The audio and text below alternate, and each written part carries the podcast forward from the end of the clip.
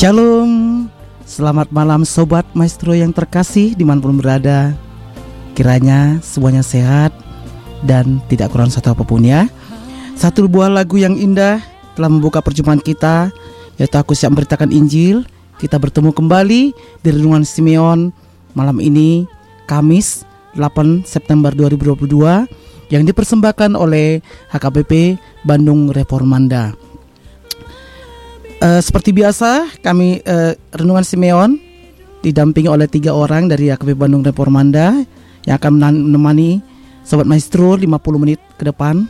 Ada saya, Penatua TJ Semangsong, kemudian Penatua Uwe Saragi, serta Bapak Pendeta Pitu Sinaga yang akan bawakan renungan hari ini. Sobat Maestro, bagi Sobat Maestro yang ingin didoakan disapa atau ada dalam pergumulan, kami buka WA di 081 341 658 319. Sekali lagi 081 341 658 319.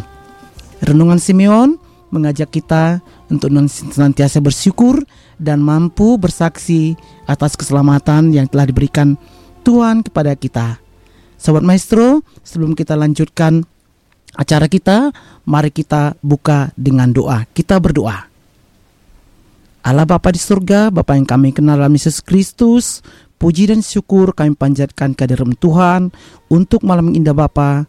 Bapa kau berikan kesempatan bagi kami penatua-penatuamu dari HKBP Bandung Depermanda untuk melayani Sobat Maestro yang setia melalui renungan Simeon In Bapa. Bapa biarlah Maestro boleh menjadi saksimu serta penatua penatua serta renungan Simeon ini boleh mengajak sobat-sobat maestro untuk senantiasa mampu bersyukur dan bersaksi juga seperti Simeon. Bapak surga kami akan lanjutkan Tuhan hadir di tengah-tengah kami agar semua acara ini dari awal sampai akhir boleh berlaku hanya karena kasihmu. Dalam Yesus Kristus kami boleh berdoa dan bersyukur. Amin.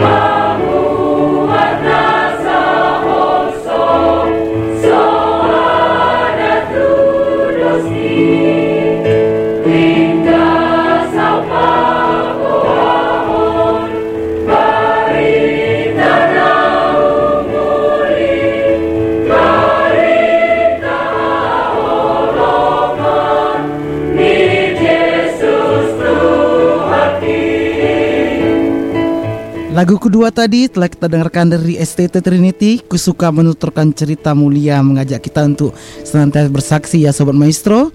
Sobat Maestro malam ini topik kita adalah Aku orang berhutang Yang diambil dari Roma 1 ayat 12 sampai 15 Yang akan dibawakan oleh Pendeta Pitu Sinaga. Silakan Bang Pendeta. Ya baik Abang Simangunsong, terima kasih buat kita semua sahabat maestro sekalian yang dikasih oleh Tuhan Yesus Kristus. Kita akan mendengarkan firman Tuhan yang bertopik Aku adalah orang berhutang. Nasnya diambil dari surat Rasul Paulus kepada jemaat di Roma pasal yang pertama dari ayat 12 hingga ayat 15. Ya, mungkin silakan dibaca oleh Bapak Saragi. Roma 1 ayat 12 sampai 15.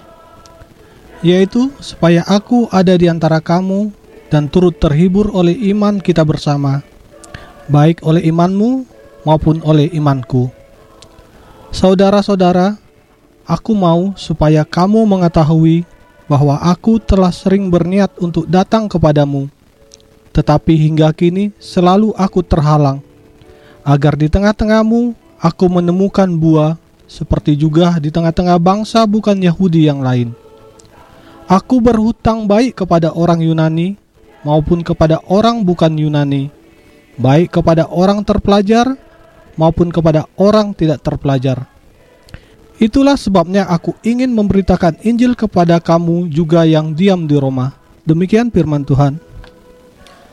Baik, terima kasih Pak Saragi yang telah membacakan firman Tuhan untuk kita malam hari ini. Saudara-saudari, sobat maestro sekalian yang dikasih oleh Tuhan Yesus Kristus, pertama saya ingin mengatakan bahwa topik kita pada malam hari ini, aku adalah orang berhutang, sungguh menarik. Mengapa saya katakan menarik? Karena berbicara tentang hutang itu biasanya adalah suatu hal yang selalu dihindari oleh kebanyakan orang. Bahkan ada yang menganggap bahwa hutang itu adalah sebuah aib atau malu. Ada juga yang menganggap hutang itu sebagai pemutus silaturahmi. Artinya melalui hutang bisa saja hubungan kekeluargaan menjadi terputus. Dan ada juga yang menganggap hutang itu sebagai beban yang harus ditanggung dan lain-lain pandangan orang terhadap hutang. Artinya eh, kebanyakan orang selalu atau kita sendiri selalu berusaha bagaimana supaya hidup kita tidak berhutang. Sebisa mungkin kita akan memenuhi kebutuhan-kebutuhan kita tanpa harus berhutang kepada orang lain. Namun menariknya sangat berbeda dengan nats yang disampaikan oleh Rasul Paulus kepada jemaat di Roma pada perikop ini. Dia menyampaikan bahwa dia adalah orang yang berhutang. Dan juga ini adalah merupakan ajakan kepada setiap orang percaya untuk menyadari bahwa kita memang adalah orang yang berhutang. Khususnya kita baca tadi di ayat 14 dikatakan Aku berhutang baik kepada orang Yunani maupun kepada orang bukan Yunani, baik kepada orang terpelajar maupun kepada orang yang tidak terpelajar. Rasul Paulus mengatakan bahwa sebagai rasul ia berhutang kepada orang Yunani dan juga kepada orang bukan Yunani. Ia berhutang baik kepada orang Yahudi maupun bukan Yahudi. Ia juga berhutang kepada orang Israel maupun kepada orang bukan Israel. Ia juga berhutang baik kepada orang terpelajar maupun kepada orang yang tidak terpelajar. Lalu pertanyaannya Bapak Ibu, apakah hutang Rasul Paulus itu? Di mana letak hutangnya? Jadi hutang Rasul Paulus adalah ketika dia belum menyebarkan atau mengabarkan Injil Tuhan atau Injil keselamatan yang membawa damai sejahtera kepada orang-orang atau mereka yang percaya di Roma. Jadi hati kecil Paulus mengatakan bahwa sebagai rasul, ia berkewajiban untuk mengabarkan Injil Kristus kepada jemaat Kristen yang tinggal di Roma. Dan kemudian pertanyaan berikutnya, apa yang menimbulkan perasaan berhutang itu dalam diri Paulus? Yaitu dari apa yang telah diterimanya. Dia menyadari bahwa dia telah menerima begitu banyak kasih karunia Allah di dalam hidupnya sehingga itulah yang mendorong atau menimbulkan perasaan berhutang dalam dirinya. Ia telah menerima kasih Allah, ia juga menerima jabatan sebagai rasul. Kalau kita baca di ayat 5, dikatakan di situ, dengan perantaannya kami menerima kasih karunia dan jabatan rasul untuk menuntun semua bangsa.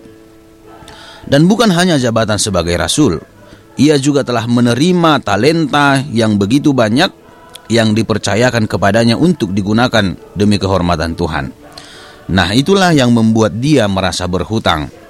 Ia menganggap dirinya sebagai seorang yang wajib berbuat segala kebaikan yang bisa diperbuatnya bagi orang banyak, termasuk bagi orang Yunani maupun bukan Yunani, atau orang Yahudi maupun bukan Yahudi. Dan kita teliti lagi dalam nas ini itulah juga yang selalu dia usahakan di dalam khutbahnya dia selalu memberikan yang terbaik, memberikan damai sejahtera, memberikan penghiburan dan lain sebagainya. Dan juga di dalam perjumpaannya dengan setiap orang ketika dia berbicara, dia selalu menyesuaikan pembicaraannya dengan kemampuan masing-masing orang yang dihadapinya. Contohnya ketika dia bertemu dengan orang yang berhikmat, dia akan memberi hikmat atau pelajaran berharga bagi orang tersebut. Sebaliknya ketika dia bertemu dengan orang yang kurang berhikmat, dia juga akan menyesuaikan dirinya dengan mengajari secara perlahan atau pelan-pelan. Artinya di mana pun Paulus, Rasul Paulus hidup, berbuat dan berkarya, dia selalu mengusahakan dirinya melakukan yang terbaik sebagai bentuk dari pembayaran hutangnya atas kasih dan karunia Tuhan. Dan itu juga yang kita lihat di perikop kita malam hari ini. Dia berusaha untuk memberi yang terbaik kepada jemaat Roma. Dari ayat 15 kita tahu dikatakan tadi, itulah sebabnya aku ingin untuk memberitakan Injil kepada kamu juga yang diam di Roma. Tentu hal ini berlatar belakang juga dari ayat 13. Aku mau supaya kamu mengetahui bahwa aku telah sering berniat untuk datang kepadamu. Jadi ada niat yang sungguh-sungguh daripada Rasul Paulus untuk memberi yang terbaik tentunya firman Tuhan, firman keselamatan kepada jemaat yang di Roma. Ada yang menarik di ayat 13 yang bisa kita lihat ketika Rasul Paulus berkata, "Aku telah sering berniat untuk datang kepadamu." Ada di situ kata sering yang artinya sering di sana menekankan bahwa eh, niat Paulus bukan sesuatu keinginan yang hanya timbul kadang-kadang atau eh, sesewaktu, tetapi sering, sangat sering, bahkan sangat sering dia eh, merencanakan untuk datang ke Roma. Ada juga di sana kata berniat yang menunjukkan bukan hanya satu keinginan, tetapi semacam keputusan yang sudah diper, dipikirkan berkali-kali. Jadi sering berniat itu menunjukkan kesungguhan Rasul Paulus untuk dapat memberi buah atau memberi yang terbaik sebagai balasan daripada hutang yang ia miliki karena kasih karunia Tuhan Yesus Kristus. Bapak Ibu yang saudara yang dikasih Tuhan Yesus Kristus, sobat maestro sekalian, Itulah yang melatar belakangi mengapa Rasul Paulus menganggap dirinya sebagai orang berhutang karena dia telah menerima banyak berkat, rahmat, kasih yang telah diberikan Tuhan kepadanya. Tentunya sebagai orang percaya, melalui firman ini kita juga diingatkan supaya kita juga menyadari bahwa sama seperti Paulus, kita adalah juga orang berhutang. Setidaknya kita harus menanamkan perasaan berhutang dalam diri kita. Mengapa? Karena kita semua telah menerima anugerah keselamatan dari Tuhan Yesus Kristus. Kita semua adalah orang-orang yang memiliki pinjaman yang harus dibayar. Kita berhutang karena kita telah menerima kasih Yesus. Roh Tuhan kita Yesus Kristus sudah mematikan segala dosa kita, sudah mematikan segala hawa nafsu dan perbuatan jahat kita. Bahkan Yesus Kristus telah mengorbankan dirinya dia rela menderita, dianiaya, disalib, bahkan mati dan dikuburkan. Mau, namun dia bangkit di hari yang ketiga untuk menebus kita dari dosa dan kematian kekal. Dia sudah menebus kita dengan darahnya yang mahal. Dia sudah menyelamatkan kita. Dia sudah menyediakan bagi kita hidup baru dan damai sejahtera di surga. Artinya di situ betapa besarnya kita berhutang kepada Tuhan atas kasih rahmatnya, kemurahannya, dan kuasanya yang telah memelihara kita dari serangan iblis yang selalu berkeliling seperti singa untuk menelan kita. Itu, itulah yang harus kita renungkan, hutang kita yang harus kita bayarkan melalui perbuatan-perbuatan kita yang baik yang berkenan kepada Tuhan. Kemudian pertanyaannya adalah apa pentingnya kita sadar bahwa kita adalah orang berhutang sama seperti Rasul Paulus. Apa pentingnya kita memiliki perasaan berhutang ini yang juga dimiliki oleh Rasul Paulus? Yang pertama, supaya kita bisa mengucap syukur. Itu kita lihat juga di ayat 8 ketika Rasul Paulus mengatakan, "Pertama-tama aku mengucap syukur kepada Allahku oleh Yesus Kristus." Jadi, perasaan berhutang Rasul Paulus mendorong dia untuk selalu mengucap syukur apa pun yang dia hadapi dalam kehidupan ini. Ketika dia harus dianiaya, dia mengalami kepahitan dalam hidupnya, dia mampu tetap bersyukur karena yang dia ingat adalah kasih dan rahmat Tuhan yang begitu besar dalam kehidupannya.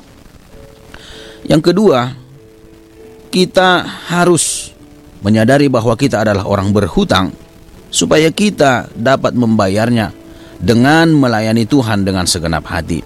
Di ayat 9 Rasul Paulus juga berkata, "Karena Allah yang kulayani dengan segenap hatiku dalam pemberitaan Injil anaknya. Karena Allah yang kulayani dengan segenap hatiku."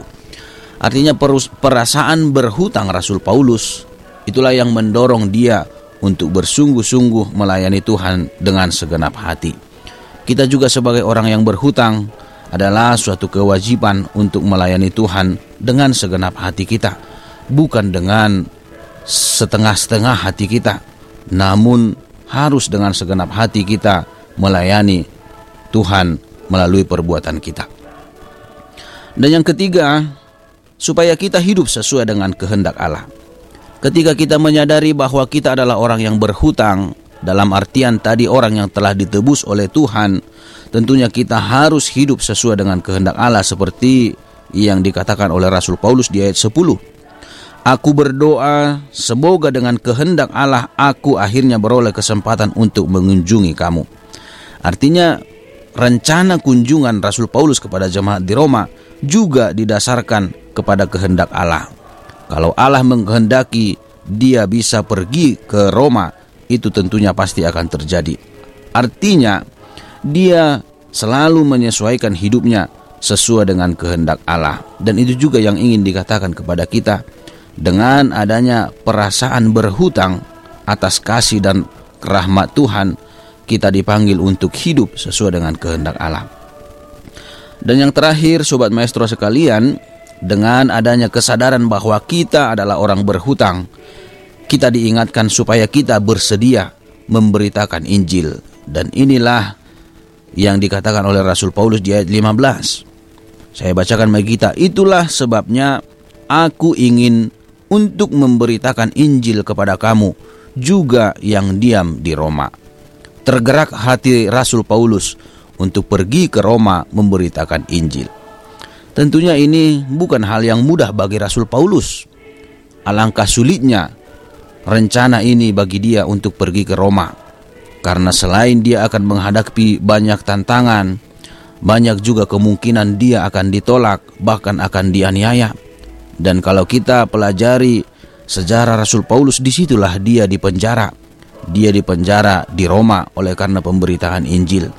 Namun dia tidak menyerah, dia tetap semangat untuk memberitakan Injil karena dia bukan hanya berhutang kepada Yesus Kristus, tetapi berhutang kepada setiap orang berdosa yang belum diselamatkan itu adalah tanggung jawab yang harus dia lakukan, dia kerjakan bagaimana supaya setiap orang beroleh keselamatan dari Tuhan Yesus Kristus. Oleh karena itu, Bapak Ibu, saudara-saudari, sobat maestro sekalian, marilah kita menyadari begitu besarnya kasih Tuhan kepada kita, begitu besarnya hutang kita yang harus kita bayar melalui perbuatan kita. Tuhan menguatkan kita, orang-orang yang berhutang ini untuk bekerja melayani Tuhan dengan segenap hati, hidup sesuai dengan kehendak Allah dan memberitakan Injil. Amin. Terima kasih.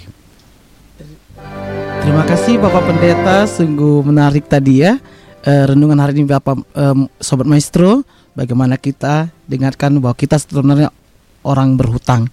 Tadi saya kira hutang apa ya? Apakah hutang duit atau hutang apa?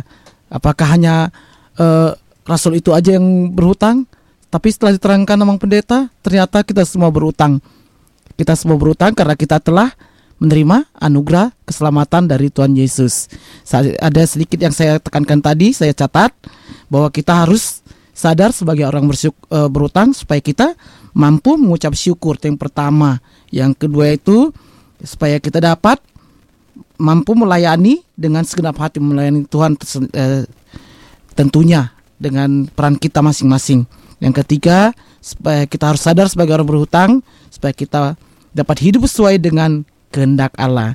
Sungguh menarik sobat maestro ya.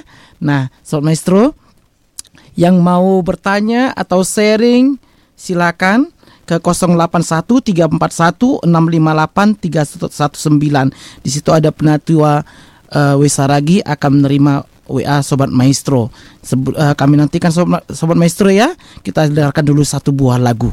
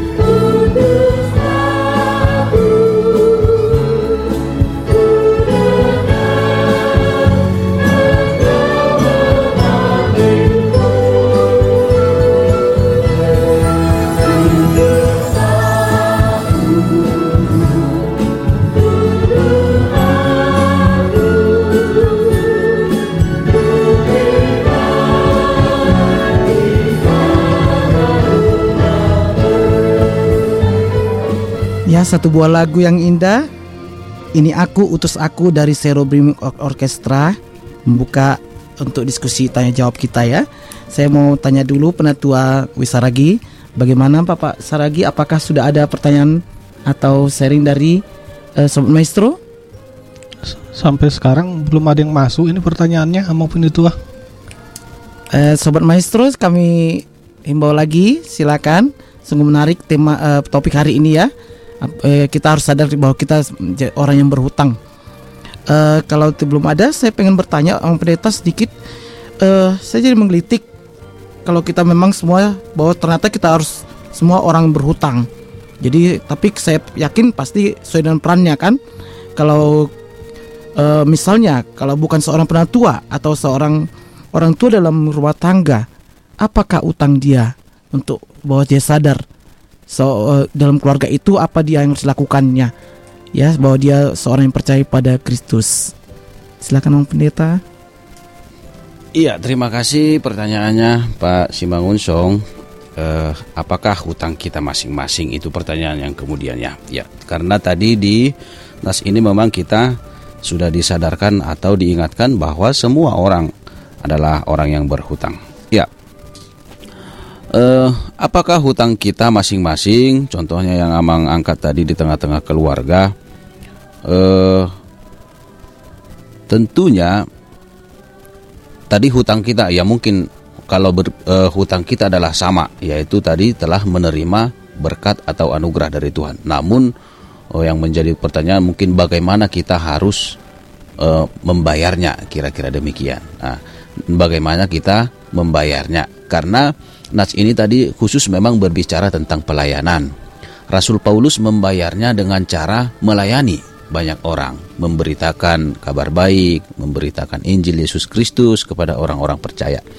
Bagaimana dengan orang yang di tengah-tengah keluarga? Dia hanya sebagai orang tua, dia bukanlah pemberita Injil. Bagaimana caranya untuk membayarkan hutangnya? Nah, tentunya seperti yang saya katakan tadi, cara kita membayar hutang kita adalah hidup uh, dengan setia berkarya dalam hidup kita untuk melayani Tuhan. Jadi melayani itu bukan hanya dengan misalnya berkhutbah seperti pendeta atau penatua atau eh, pelayan-pelayan lainnya. Namun di mana pun kita, apa pun yang kita kerjakan, apa pun profesi kita, itu juga adalah panggilan pelayanan kita.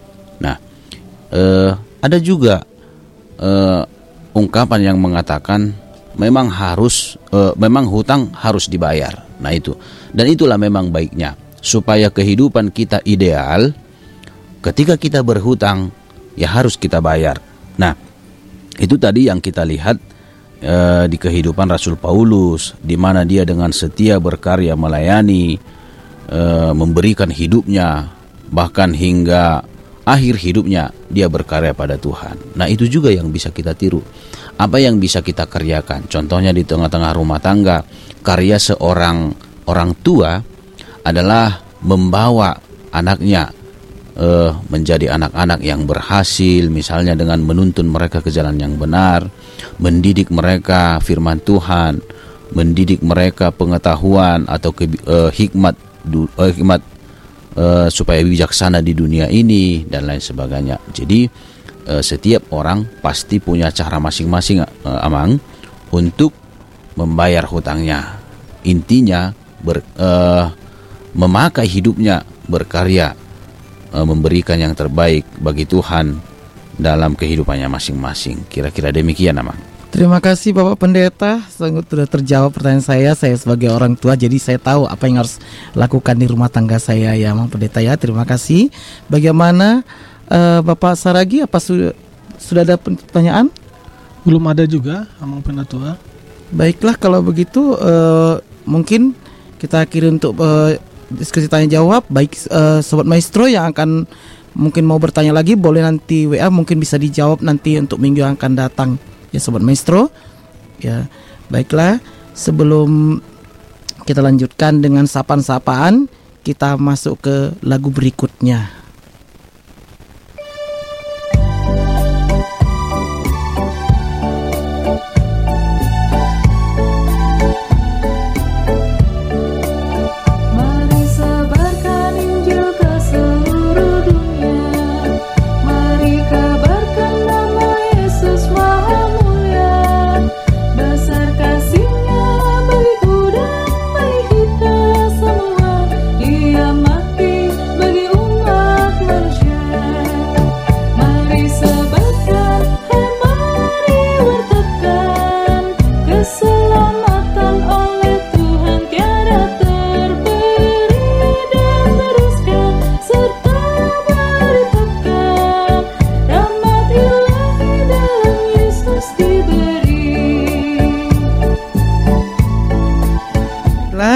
Mungkin Sobat Maestro sudah nggak sabar ya pengen disapa ya. Kami serahkan selenja kepada Bapak Saragi untuk menyapa Sobat Maestro yang setia. Ya.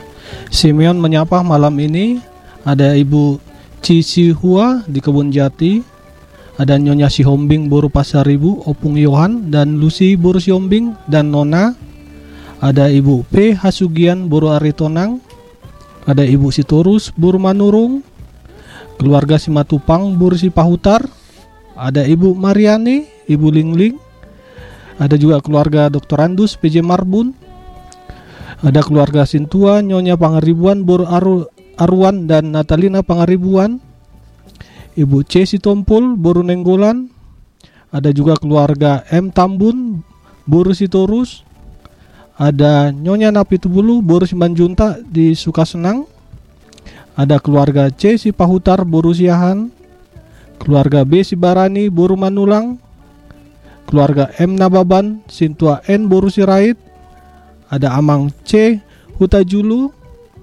ada Ibu N Sibu, Siburian Buru Nababan, selamat ulang tahun yang ke-70 ya Nang.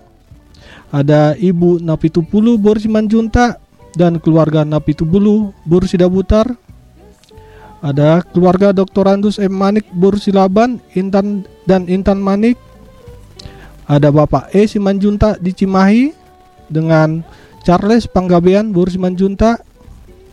Ada keluarga M. Sialoho Buru Purba dan Veronica Sialoho. Ibu Sinaga Buru Napitupulu. Ada keluarga D. Sinaga Buru Samusir. Ibu M. Gultom Buru Situmpul. Ada keluarga Nyonya R. Sirait Boru Hutajulu, Niken dan Dara Sirait. Ada keluarga P. Tobing Boru Sitompul. Kita sapa juga Majelis HKBP Bandung Reformanda, Seksi Lansia, Ina Hana, Sahabat Doa, Remaja, dan Naposo HKBP Bandung Reformanda. Juga kita mau menyapa Nyonya Syahan Bursilutonga Bu Opung Bintang di Bekasi semoga lekas sembuh. Kita menyapa juga keluarga Amang L Utaswet Borujibu. Kita sapa PC Ruth dan yang terakhir ada Nyonya Sijabat Boru Tobing. Selamat ulang tahun yang ke-69. Demikian sapan Simeon malam hari ini Amang Penetua. Terima kasih Amang Saragi. Kita masuk sekarang ke doa syafaat. Silakan Amang Pendeta. Baiklah, Bapak Ibu, Sobat Maestro sekalian, kita akan berdoa syafaat kiranya supaya Tuhan mendengarkan doa kita, kita merendahkan hati, kita bersama-sama berdoa. Bapak di surga, Bapak dalam nama Tuhan Yesus Kristus, terpujilah namamu Tuhan, segala hormat syukur hanya bagimu pada malam hari ini ketika kami bisa memuji dan memuliakan namamu lewat acara renungan Simeon yang kami laksanakan pada malam hari ini. Oleh karena berkat dan penyertaan Tuhan, kami dapat bersekutu walaupun melalui radio Simeon ini Tuhan. Kiranya acara kami ini dapat menjadi sukacita bagi Tuhan, menjadi berkat bagi kami. Kami telah menerima firman Tuhan yang menguatkan kami Tuhan melalui hambamu Rasul Paulus yang mengirimkan suratnya kepada jemaat di Roma yang menyadarkan kami juga bahwa setiap orang percaya kepadamu yang telah menerima anugerah yang telah menerima keselamatan dari Tuhan. Engkau telah menebus kami dari dosa-dosa kami.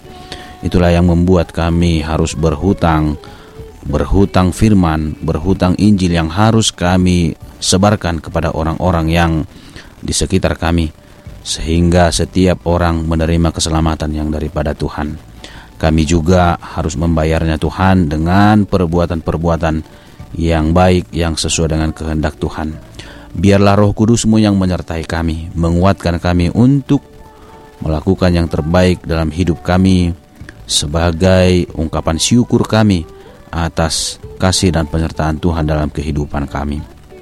Bapa di surga, kami berdoa pada saat ini Tuhan, bagi setiap orang yang mendengar renungan Simeon ini. Biarlah Tuhan yang memberkati, Tuhan yang memberikan sukacita.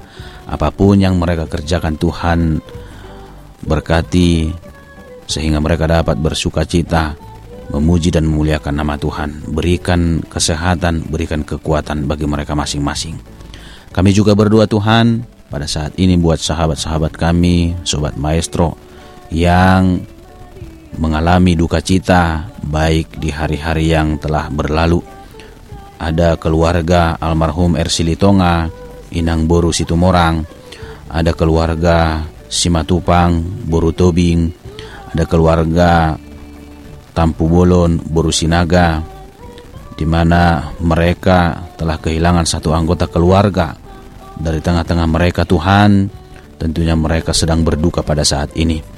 Kami serahkan mereka ke dalam tangan Tuhan. Biarlah Tuhan yang menghibur mereka, yang menguatkan mereka Tuhan. Biarlah mereka tetap percaya bahwa duka yang mereka alami pada saat ini akan berganti dengan sukacita yang akan Tuhan anugerahkan kepada keluarga mereka masing-masing. Jangan biarkan mereka Tuhan tersesat iman mereka oleh karena duka cita itu, tapi biarlah mereka selalu berpengharapan kepada Tuhan, berpegang teguh kepada kasih karunia Tuhan. Kami juga berdoa Tuhan buat saudara-saudara kami, sobat maestro yang pada saat ini sedang mengalami sakit penyakit.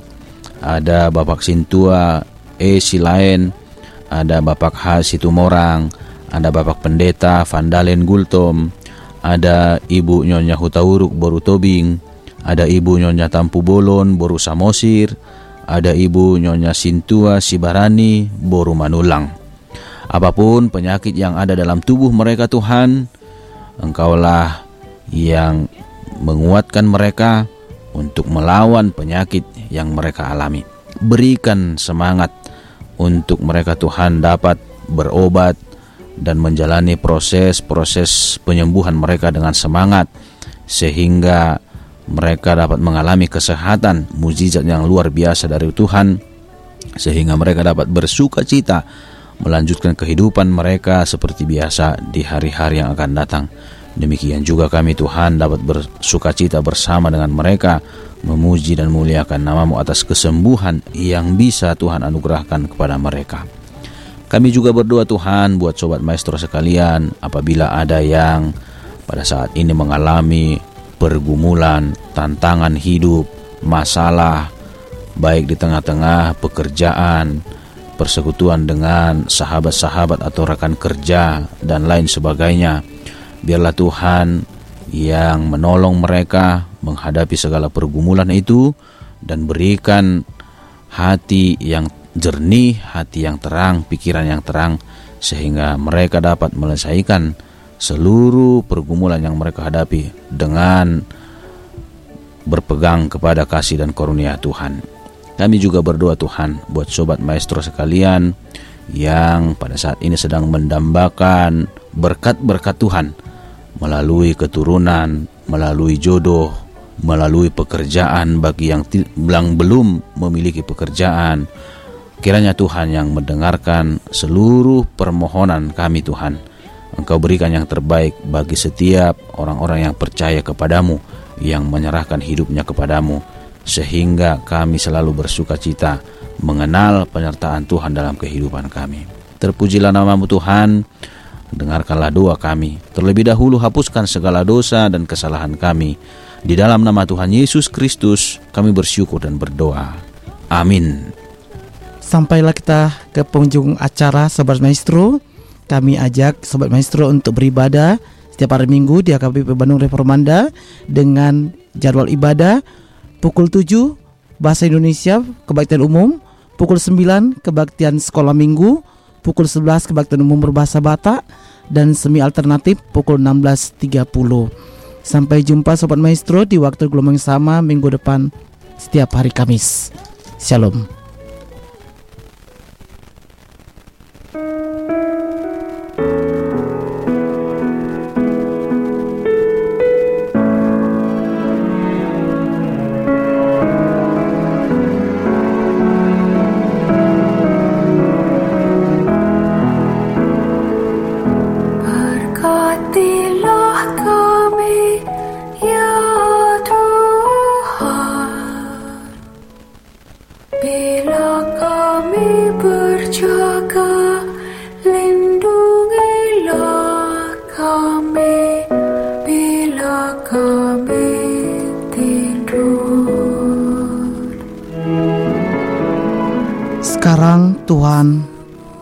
Biarkanlah hambamu ini pergi dalam damai sejahtera sesuai dengan firmanmu.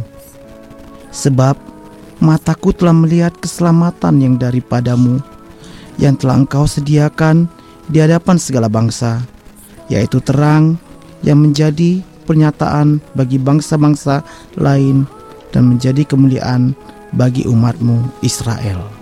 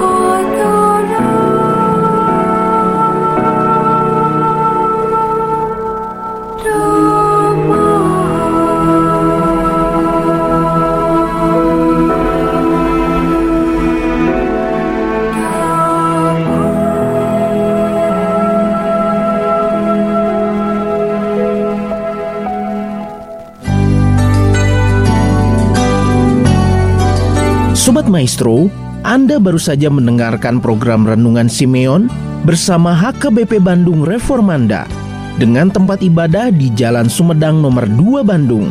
Fon 0813 4165 8319. Kebaktian Umum Bahasa Indonesia pukul 7. Kebaktian Umum Bahasa Batak pukul 10.30. Kebaktian Sekolah Minggu pukul 9. Kebaktian umum dan kebaktian sekolah minggu dilaksanakan onsite dengan protokol kesehatan dan online melalui kanal YouTube dan Facebook HKBP Bandung Reformanda. Terima kasih atas kebersamaan Anda. Tuhan Yesus memberkati.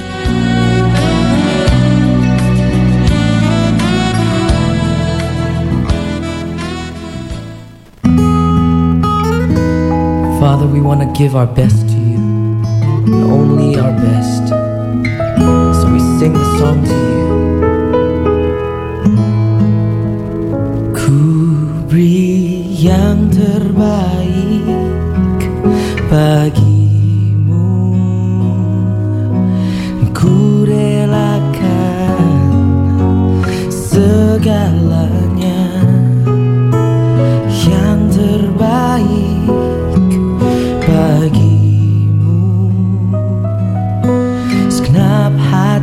hatiku